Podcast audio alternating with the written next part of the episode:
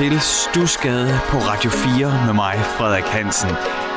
En ganske særlig udgave af Stusgade, for den musik, der kører i baggrunden, det er noget, som jeg lavede på min Commodore Amiga, dengang jeg var 15 år.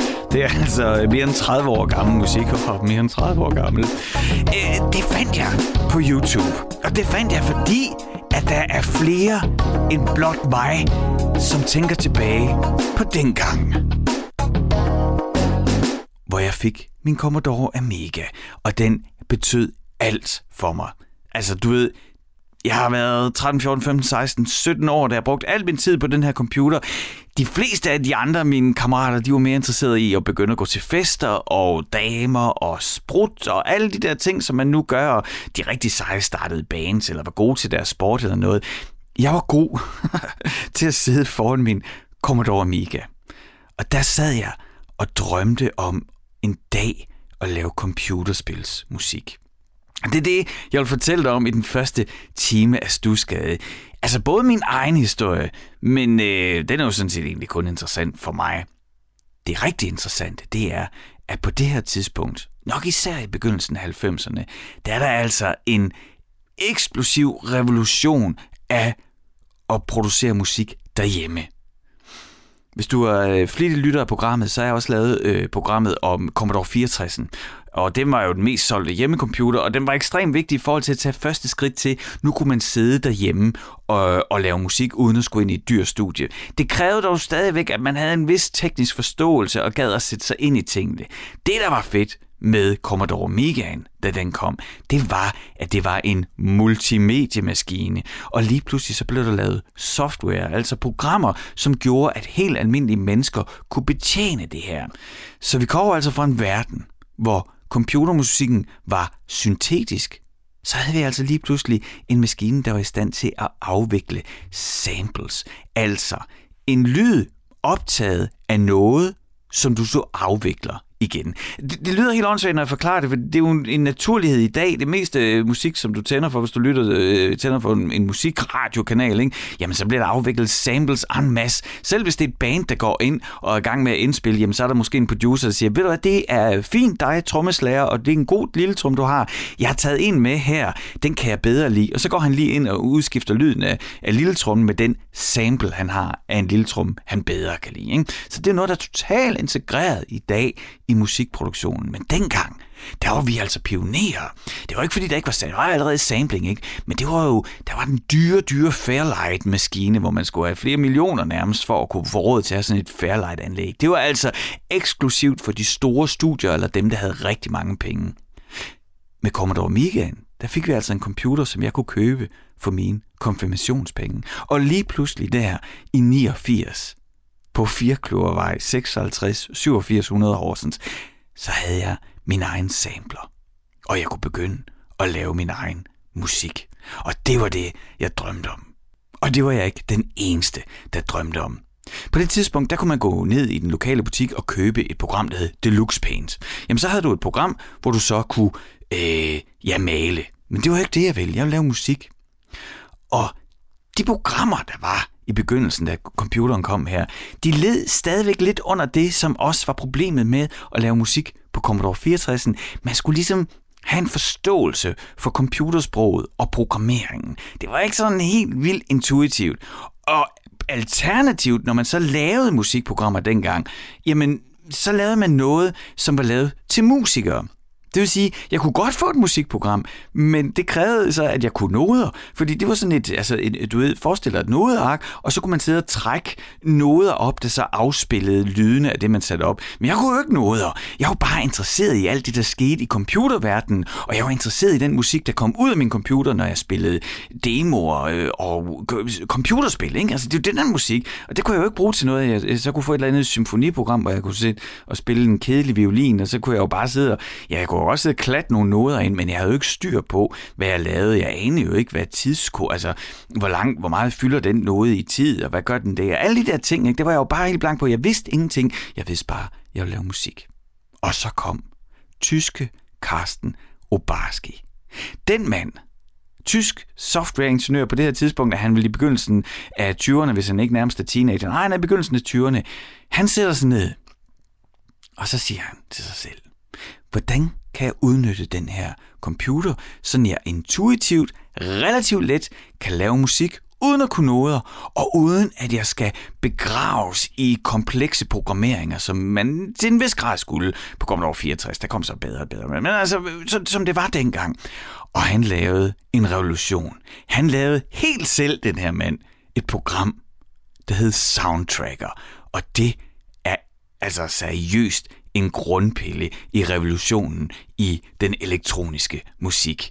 Prøv lige at høre, hvordan det lød, da Carsten Obarski selv lavede lyd i sit eget program Soundtracker.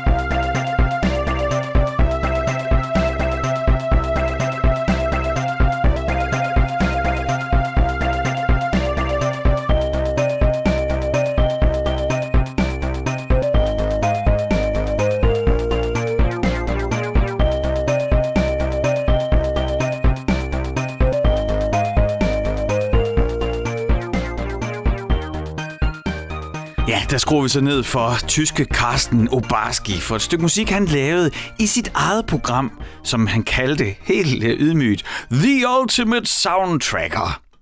Det udgav han, det skrev han selv, han programmerede det selv og udgav det selv i 1987. Og så lige så var der altså et program her, øh, som var sådan relativt til at gå til, nogenlunde sådan enkelt og logisk at forstå, sådan at de fleste kunne begynde at lave deres egen musik på Amigaen.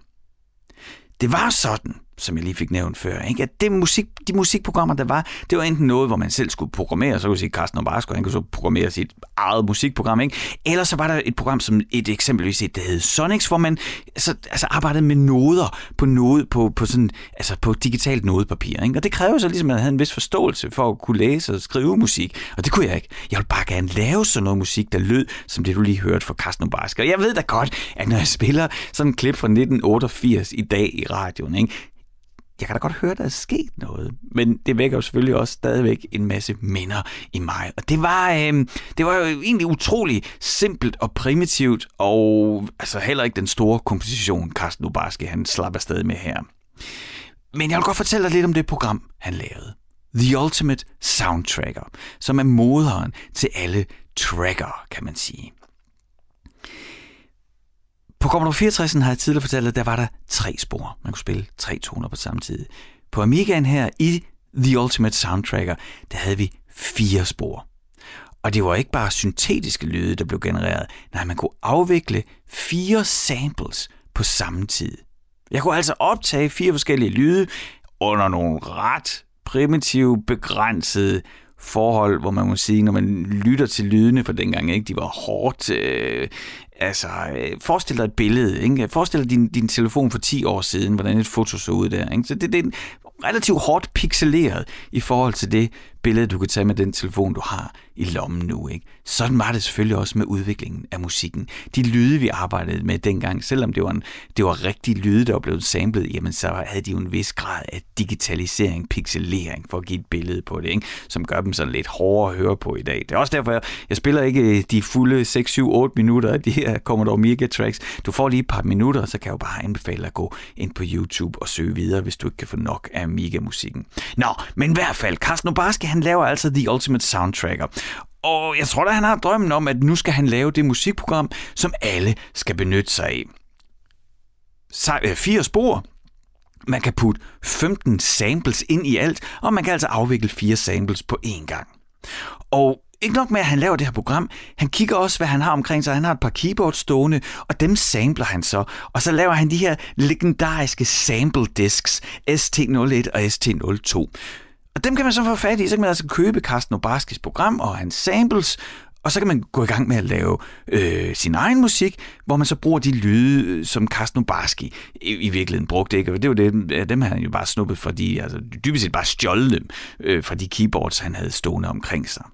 Og det betyder også, at dem, der fik fat i det her program, jamen, øh, okay, det var til at forstå. Jeg kan huske, at jeg fik selv fat i det. Nå, okay, altså, forestil dig et Excel-ark. Forestil dig, du har, hvis, hvis du arbejder med det, hvis du kan forestille dig sådan et Excel-ark, hvor du har en masse firkanter, så kan du plotte ind, så kan du skrive gerne den tone der, og den tone der, og den tone der, og så afvikler det sådan rytmisk nedad. Så, så alt det, du har skrevet ind der, det bliver ligesom afviklet. Og det var sådan ret egentlig enkelt at forstå. Man havde 64 positioner, og så kunne man jo ligesom sige, så skal det være 1, 2, 3, 4 der, og så var du i gang. Og det gjorde egentlig, at de fleste jeg bare kunne begynde at lave musik. Og det gjorde folk. Der kom masser af musik. Masser af rigtig dårlig, kedelig musik, som alt sammen lød ligesom Carsten Obarskis musik, for det var jo hans samples, der blev brugt.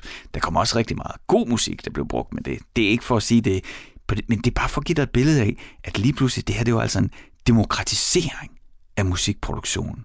Alle kunne lige pludselig sidde og lave musik derhjemme, uden at skulle i et dyrt studie og kunne bruge samples. Og som sagt, så var der mange, der brugte Carsten Obarskis samples, for det var jo ligesom det, der lå og var klar til det. Nå, men det er jo klart, når man laver sådan noget for første gang, så træder man jo ind, øh, han var en, øh, Obarski var jo en pioner, han trådte ind i, i et nyt land, og lærte jo selvfølgelig, fik en masse feedback, og lærte også for sig selv, og alle de ting, der skulle forbedres i det her stykke software, fordi det var, nu får jeg jo sådan ros det, altså sådan med brillerne i dag, så er det et ekstremt besværligt program at bruge, med mange mærkelige begrænsninger, og du ved, når du skulle finde din sang frem, så skulle du skrive titlen helt præcis, ellers så kunne den ikke finde den. Ikke? Du skulle altså huske bogstav for bogstav præcis. Det var ikke sådan, at man lige kunne åbne menu og klikke på noget, så var det slet ikke. ikke? Så der var meget arbejde, der gik tabt i bare sådan, ah, hvordan er, hvad er det for et interface, der er i det her program? Så han gik i gang med at ligesom lave det næste version af sit program. Måske det var der, han så tænkte, nu, nu skal jeg virkelig sælge en masse musikprogrammer. Men det, der også sker i 90'erne, stadigvæk sker, og sket øh, siden, i, i al den tid, vi har haft øh, øh, digitalisering af, af medier, ikke? det er jo, at der er også dem med lange fingre. Og det fortæller jeg om lige om lidt, men nu skal vi høre endnu et stykke tracker-musik. Nu er det så øh, blevet 1989 med øh, Seven Sins af Onkel Tom fra Scoopex, hvor øh, man kan godt se, at han har fundet ud af, hvad den her tracker kunne, og skubber til grænserne for, hvad den egentlig kan levere, og musikken begynder også at lyde anderledes.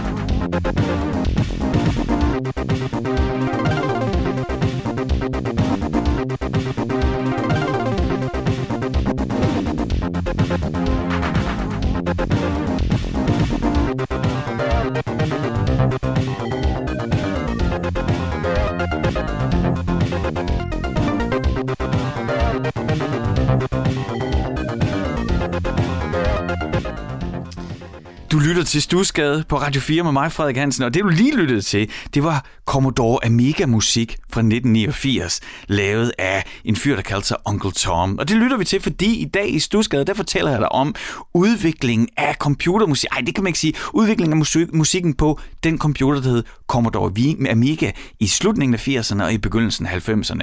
Og det er ikke sådan helt tilfældigt. Det er både personligt, fordi at der var jeg og jeg havde den maskine, og min store drøm, det var at lave computerspilsmusik, og ligesom det var min store drøm senere at blive øh, heldegitarrist, det lykkedes ikke, jamen så kom jeg heller ikke til at lave computerspilsmusik. Til gengæld, så kan jeg fortælle historien om det, fordi ikke bare var, det var ikke bare vigtigt for mig, det er også en vigtig del, altså Commodore Megan og soundtracker, musikken vi lytter til her, var også en vigtig del af selve altså musikudviklingen generelt. Og det, skal jeg, det kommer jeg til at fortælle om, hvordan altså verdenskendte, verdenskendte kunstnere, der er stået på Roskilde Festival, også kommer ud af tracker-scenen. Og det, jeg fortæller dig indtil videre, det er jo bare lige hurtigt recap her, det er, at Carsten Obarski, han lavede The Ultimate Soundtracker til Commodore Amigaen, og så kunne han lave musik.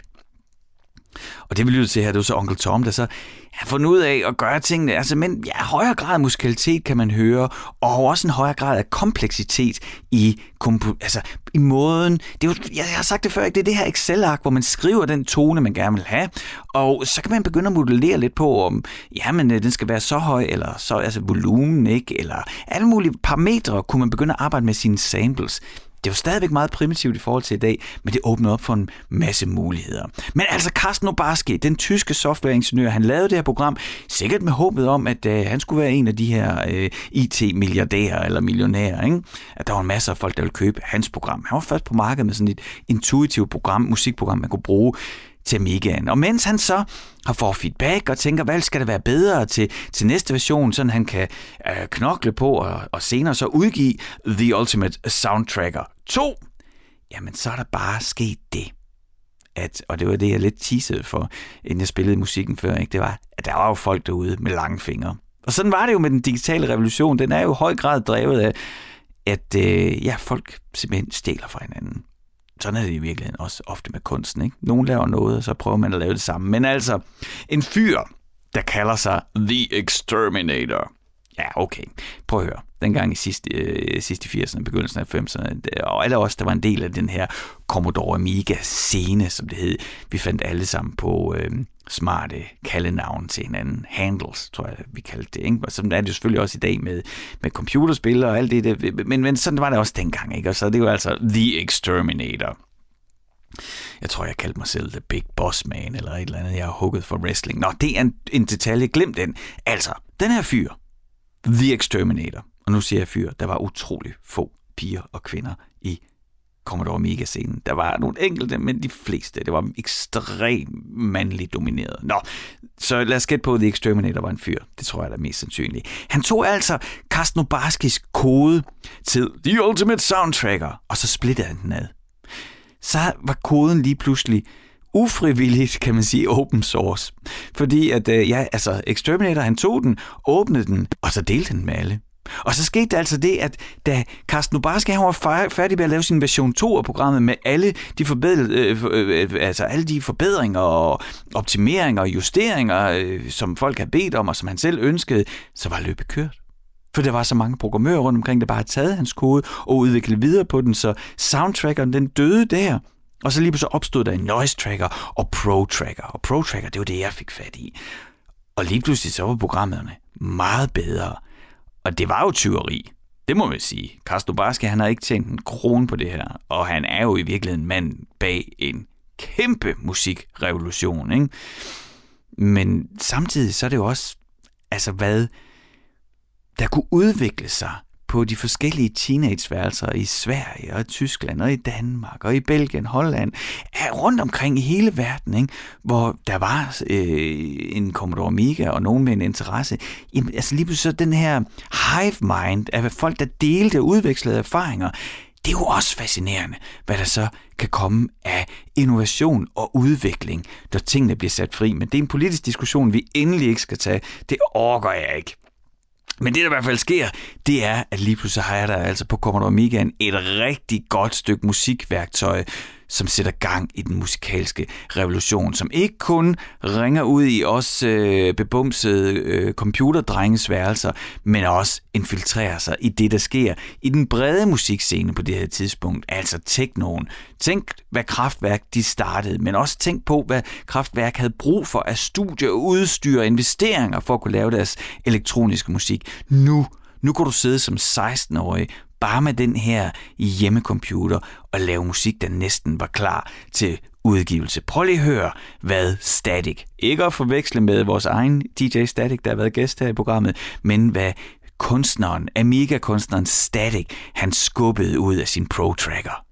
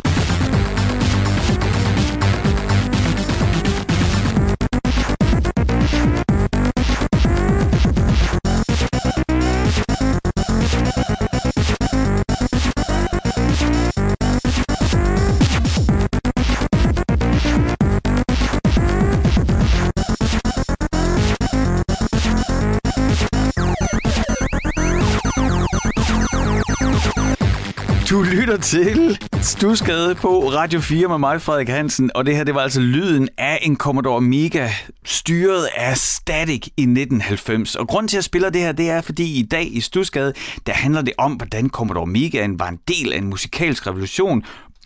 Undskyld, både personligt for mig, fordi jeg havde en Commodore Amiga. Den købte jeg for min konfirmationspenge i 1989, og sad altså så på forreste række til at se hele den her musikalske udvikling, og jeg ville så gerne være en del af den selv. Det lykkedes dog ikke. Men det her, det var altså static, og kunne du høre, hvad jeg mener? Altså, det der fra 1990. Hvis du sådan kan huske udviklingen af ja, techno og trance og alle de her elektroniske musikstilarter, som opstår gennem 80'erne og eksploderer i 90'erne, så kan man godt høre, at det her, det er det. Static han er en, altså han er i øjenhøjde med det, der sker i verden på det tidspunkt, den musikalske udvikling af den elektroniske musik. Og jeg skal nok komme ind til en pointe, men altså bare, bare lige for vi åbnede, jeg åbnede programmet med at spille Carsten Obarski, altså den tyske programmør, der lavede programmet her. Ikke?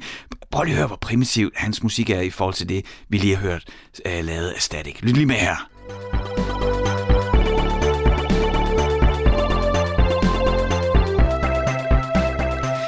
Altså, det, det, det, det lyder som en, næsten som en, en, en gammel træt Nintendo-maskine, der skal aflives.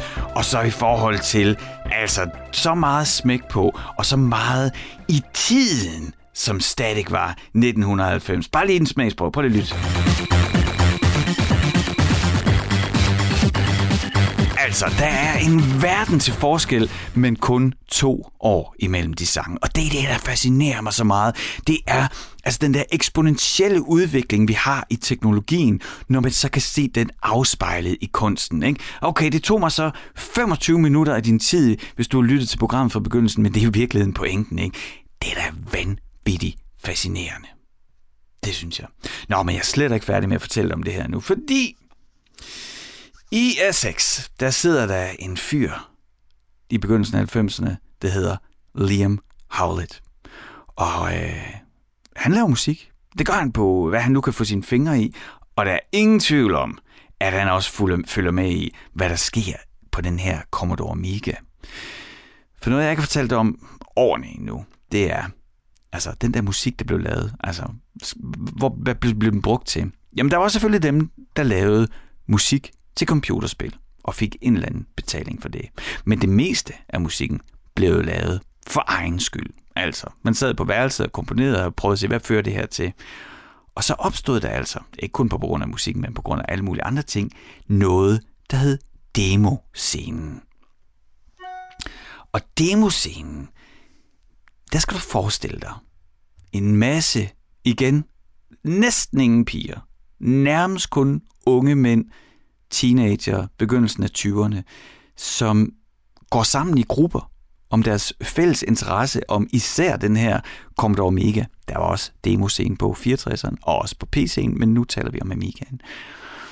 Og så er målet at presse den her computer til at lave, kan man sige, en slags musikvideo.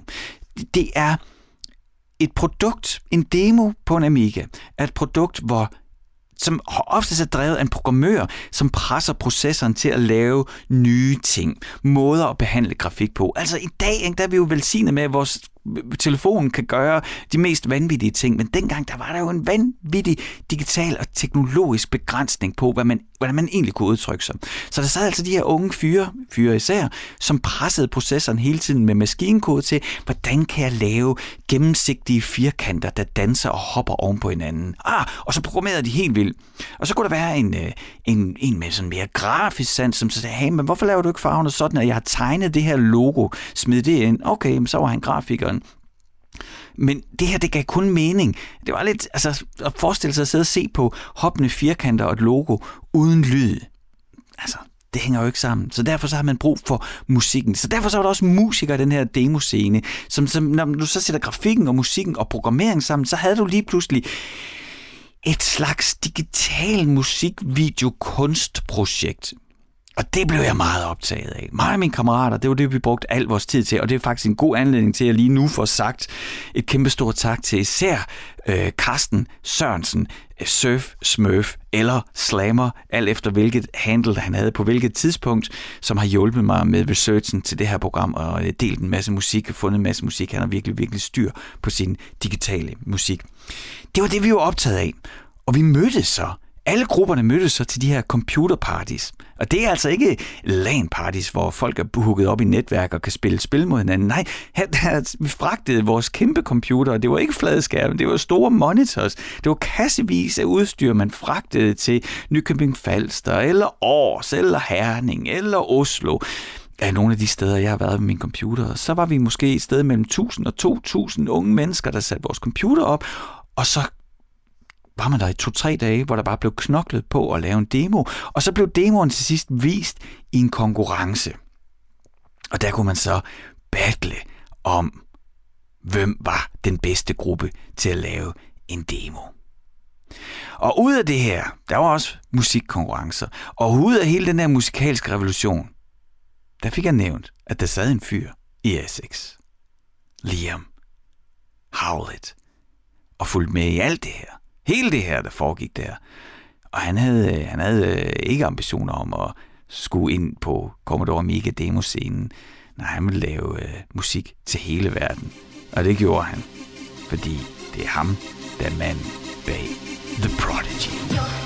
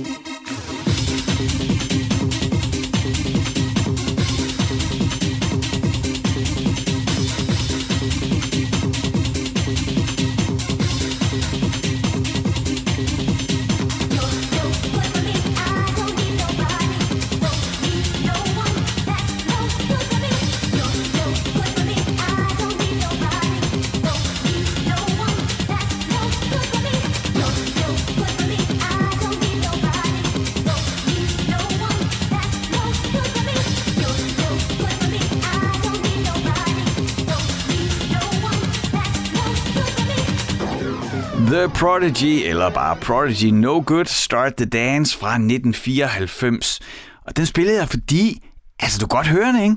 Det er der, Prodigys lyd kommer fra. Især på det her track, man kan høre alle de referencer, der er tilbage til al den tracker-musik, jeg har fortalt om i dag. Her i Stusgade på Radio 4 med mig, Frederik Hansen, skal jeg skynde mig at sige, hvor jeg fortæller historien om den musikalske revolution på Commodore Amigaen. Både fordi jeg selv havde en Amiga til at stå hjemme på mit værelse, og så drømte om at, ja, altså lave computerspilsmusik på den, men så var det også, altså, Commodore Amigaen er også ud af den musik, der blev skabt dengang, der er altså født masser af musikere og kunstnere, der lever deres musik, og nogen, altså som Liam fra The Prodigy, som så stod to gange på øh, Roskilde Festival ikke? og lavede verdenshits, og i den grad taget trackermusikken og gjort den til allemands eje og kommercialiseret den på en måde, men jeg har sådan en svaghed for Prodigy, fordi jeg synes, de formår at, at lægge det helt rigtige sted i forhold til at være bred røv, som man siger så charmerende, og så stadigvæk være tro mod der, hvor de kommer fra. Altså, jeg synes, Prodigy er sådan et godt eksempel. Ikke? Det er 94. Det er der, kan man sige, hvor Commodore Amigaen, hele demoscenen, og det er det piker der, så begynder det så også at gå nedad, men der bliver stafetten ligesom givet videre. Det er også der, hvor jeg dropper og giver op og på at lave øh, musik på computeren, tænker, nå, det er så ikke det. Mange af mine venner på det tidspunkt, de, øh, de får øh, arbejde. Især dem, der kunne programmere. De får arbejde på computerspils firmaer og begynder at programmere computerspil. Øh, og det var jeg jo vanvittigt øh, fascineret af, og en lille smule misundelig over, at de skabte en karriere. Og, jamen, jeg begyndte så at spille guitar i stedet for at være rockstjerne, men øh, det endte så med, at jeg blev pædagogmedhjælper. Sådan er det også. Anyway, livet er uansageligt og alle de der ting, det ved du helt sikkert. Men men altså, ud af hele den her tracker-scene og den musik, der kom, så fik vi altså The Prodigy. Men der var også øh, de musikere, som blev ved med at lave computerspilsmusik.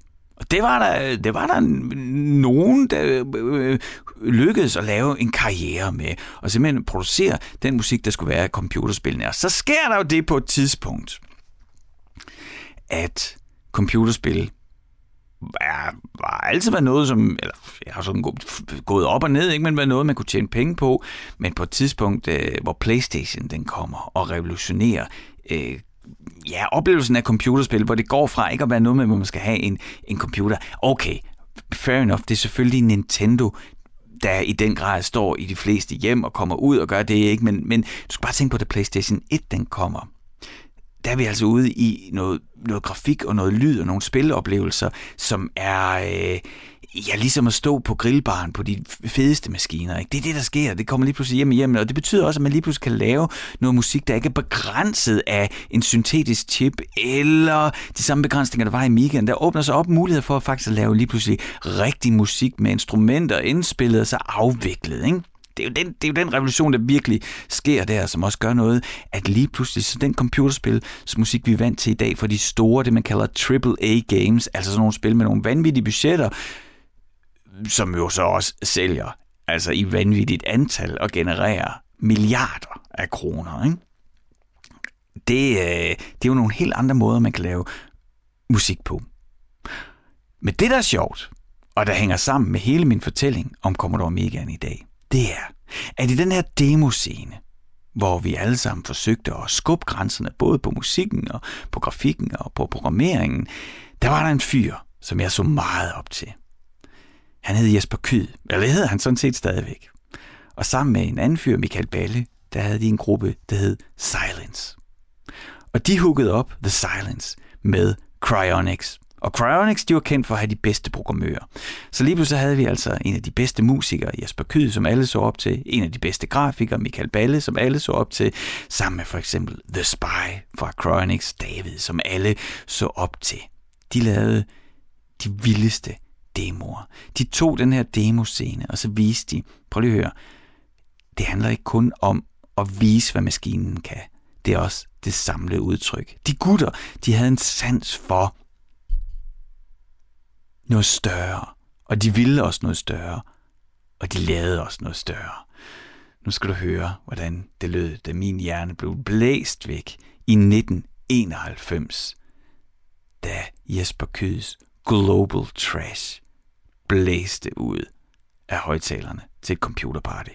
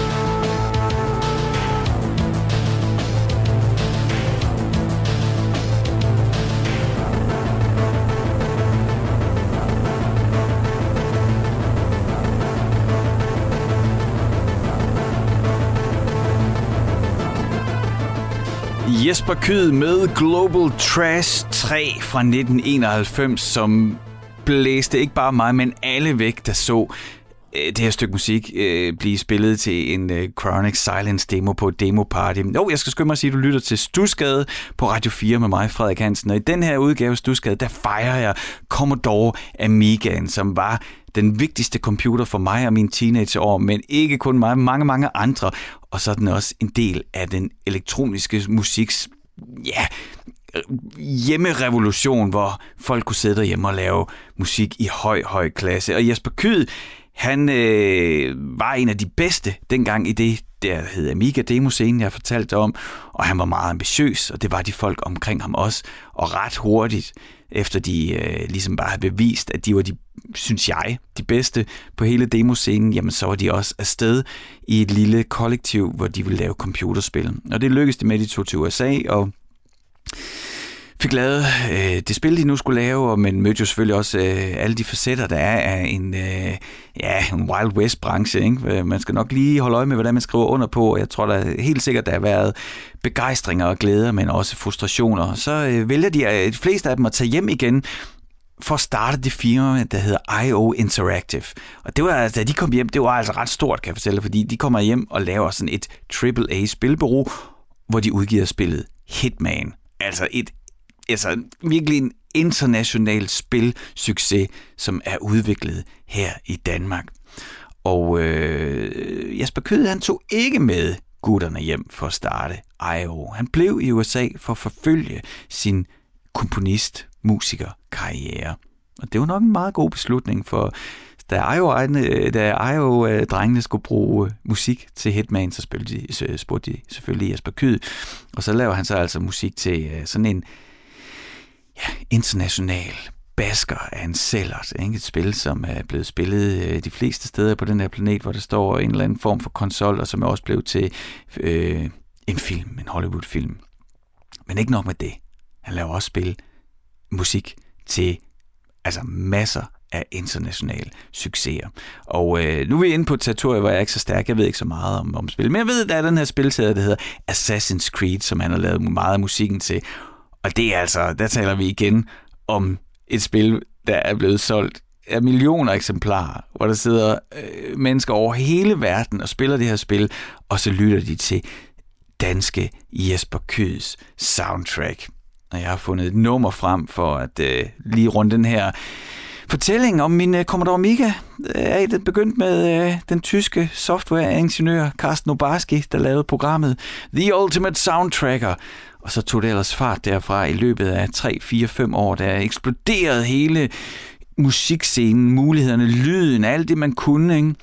Og så øh, ud af det kom for eksempel kæmpe kommersielle musiksucceser som The Prodigy, men også en fyr som Jesper Kyd, der altså laver computerspilsmusik til spil, der sælger fuldstændig vanvittigt mange eksemplarer. Ikke?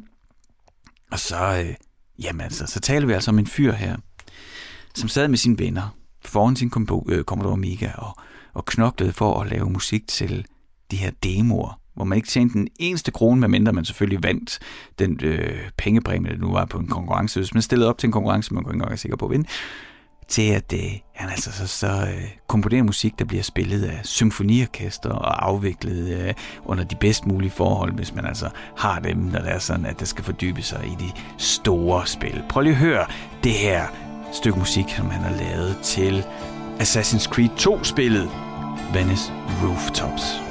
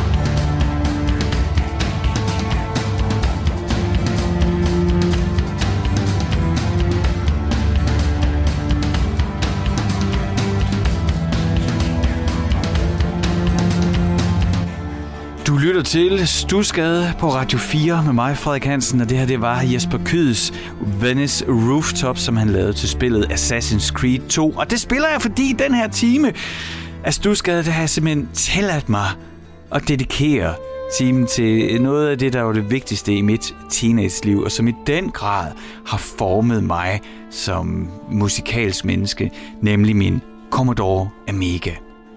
Så øh, hvis du først er kommet med nu, øh, så vil jeg anbefale, at du henter programmet som podcast, fordi så kan du høre, hvordan den tyske øh, softwareingeniør Carsten Obarski, han ligesom satte en revolution i gang med sin Ultimate Soundtracker, men også hvordan han aldrig tjente en krone, fordi en masse lange fingre stjal koden og udviklede den i alle mulige retninger, men det gav så et værktøj til, at en masse folk rundt omkring på deres hjemmecomputer kunne producere og sprøjte musik ud. Det meste af det er der ingen, der lytter til. Alt det musik, jeg lavede, det er der ingen, der lytter til dengang. Men der var... Øh, der blev udviklet talenter, og derfor så har jeg også spillet noget Prodigy, fordi de springer, Liam han springer ud af tracker-scenen, der klart inspireret, og så også Jesper Kyd her, danske Jesper Kyd, der har skabt en karriere i at komponere filmmusik. Jeg er virkelig, virkelig glad for, at jeg fik lov til at præsentere Commodore Amiga-musikken for dig. Jeg håber, det har givet mening, at det ikke har været forfærdeligt at komme igennem. Jeg har virkelig prøvet at tilrettelægge og styre mig. Jeg har en liste med historier, jeg godt kunne tænke mig at dele med dig, og fakta og alt muligt, men øhm, jeg kan bare anbefale dig, at øh, hvis du vil have mere Amiga, så skriv til mig. Det kan du gøre øh, ved at sende en sms til 1424. Husk at begynde den med R4 mellemrum eller send e-mail til stusgade radio4.dk, eller allerbedst, gå på Instagram og søg på Frederik Radio i et ord, så finder du mig, og så øh, kan vi jo skrive videre der. Jeg kan jo altid sende nogle links til dig, eller ja, hvis der er andet, du vil dele med dig. Det elsker jeg jo, når I gør, og det er jo måske en meget... Øh, ja, det er passende, så kan jeg jo lige læse nogle ting op. Jeg, jeg har samlet lidt sammen her, alt det, I skrevet til mig. Jeg har fået meget kort besked her. Der står, hvordan staver man til, så står der, studskage. Og øh, altså, studskade, øh, det er jo, har jo et skjult, øh, det har jo, hvad hedder, stumt D i Stusgade, men jeg tror måske, at uh, spørgsmålet mere går på min uh, dialekt. Det er altså svært for mig at skjule, at jeg er fra Østjylland. Jeg har også nået en alder 46, hvor jeg ikke gider at skjule, at jeg er fra Østjylland. Så du må leve med Stusgade. Og så er der spurgt her, hvorfor står Stusgade ikke i kraks? Bare nysgerrighed. Altså, hvis jeg går ind på krak.dk, så står Stusgade der. Men så kommer jeg til at tænke på, måske mener du Kraks blå bog. Og det er da en øh, kæmpe stor fejl, at hverken øh, Stusgade eller Frederik Hansen står derinde. Det må vi få gjort noget ved. Nå, så kom der en her. Det synes jeg faktisk er interessant. Det vil jeg gerne dele med dig. Jesper H. han skriver en besked, mens jeg sidder og har en samtale med Stine Klingsten. Der skriver han, find dog et hotelværelse og få det overstået i to. Er virkelig kvalmende at høre på. Og, øh, og da jeg læste det, tænkte jeg, hold da op, hvad er det, Jesper har øh, reageret på? Og jeg tror egentlig bare, at øh, Stine havde en god samtale, øh, som øh, Jesper kan jeg garantere dig for, i hvert fald på min vej, på ingen måde at skulle lede til noget som helst andet, end det var en god samtale. Og Jesper, så kommer jeg til at tænke på, når du skriver det, og du synes, det er kvalmende at høre på, at, øh, at vi havde en god samtale, vil du også have skrevet det, hvis det var en mand, jeg talte med? Det tror jeg ikke. Eller måske, hvis du lytter med lige nu, så øh, er du i hvert fald velkommen til at skrive til mig igen, for jeg er nysgerrig på, hvorfor du reagerer sådan, og øh, hvad det gjorde ved dig. Altså, find dog et hotelværelse og få det overstået. I er kvalmende at høre på. Det er da alligevel en vild reaktion, Jesper. Jeg er nysgerrig på, hvad det er, du mener, hvad du tænker. Skriv endelig til mig. Øh, lad os se, hvad kommer der her. Jo, så øh, skriver Rasmus, han skriver her, hvad hulen hed det der indisk inspirerede metalband, du spillede sidst? Det var Gigandi. Danske Giganti. Det er dem, du skal søge på på YouTube, så kan du finde mere. Det er faktisk rigtig godt. Og det har Henrik også reageret på. Jeg tror faktisk, det var ham, der ønskede Gigantis. Så han skriver, og det skal du tak for, Henrik. Han skriver, tak for en behagelig overraskelse. Hvor er det sjældent, at man hører lidt hård metal, der kunne gøre øregangene bløde. Og tak for et episk program med venlig hilsen, Henrik. Vil du være selv Tak, Henrik.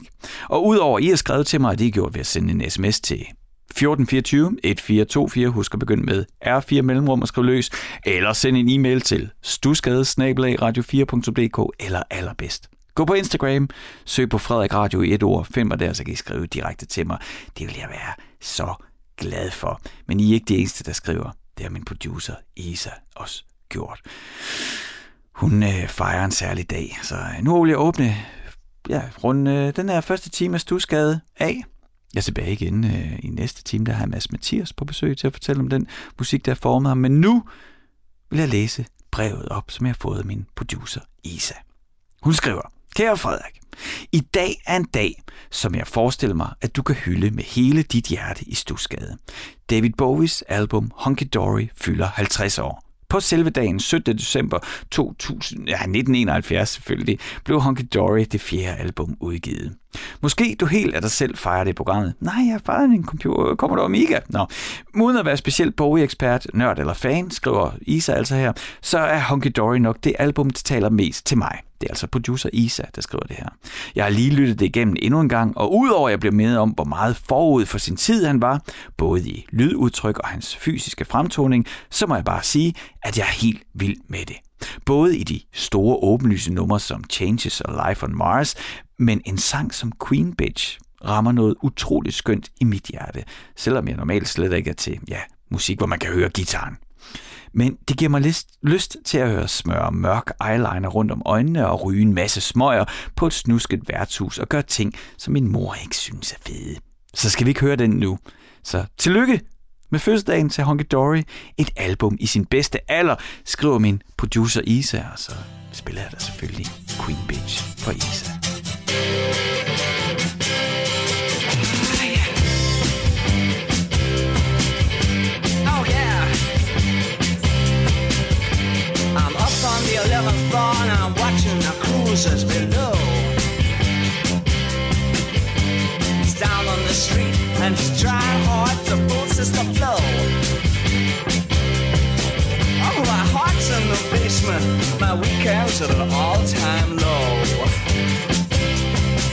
Cause she's hoping to score, so I can't see her letting him go.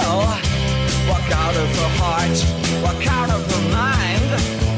Oh, not her She's so swishy in her satin and tan.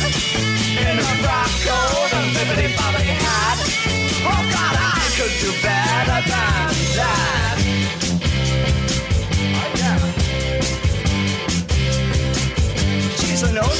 ambassador, sweet talking, night walking games.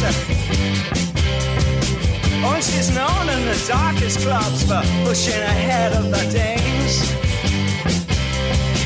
If she says she can't do it, then she can't do it. She don't make false claims. But she's a queen, and such a queen, such a laughter is sucked in the brains. Now she's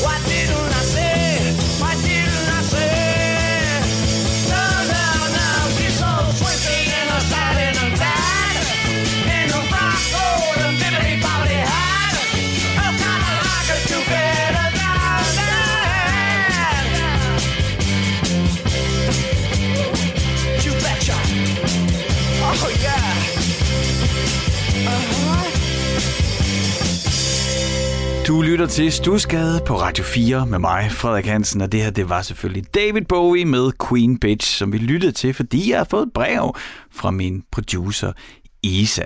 Og så skal jeg jo spille det, hun siger. Det er sådan en, øh, en hyggelig tradition.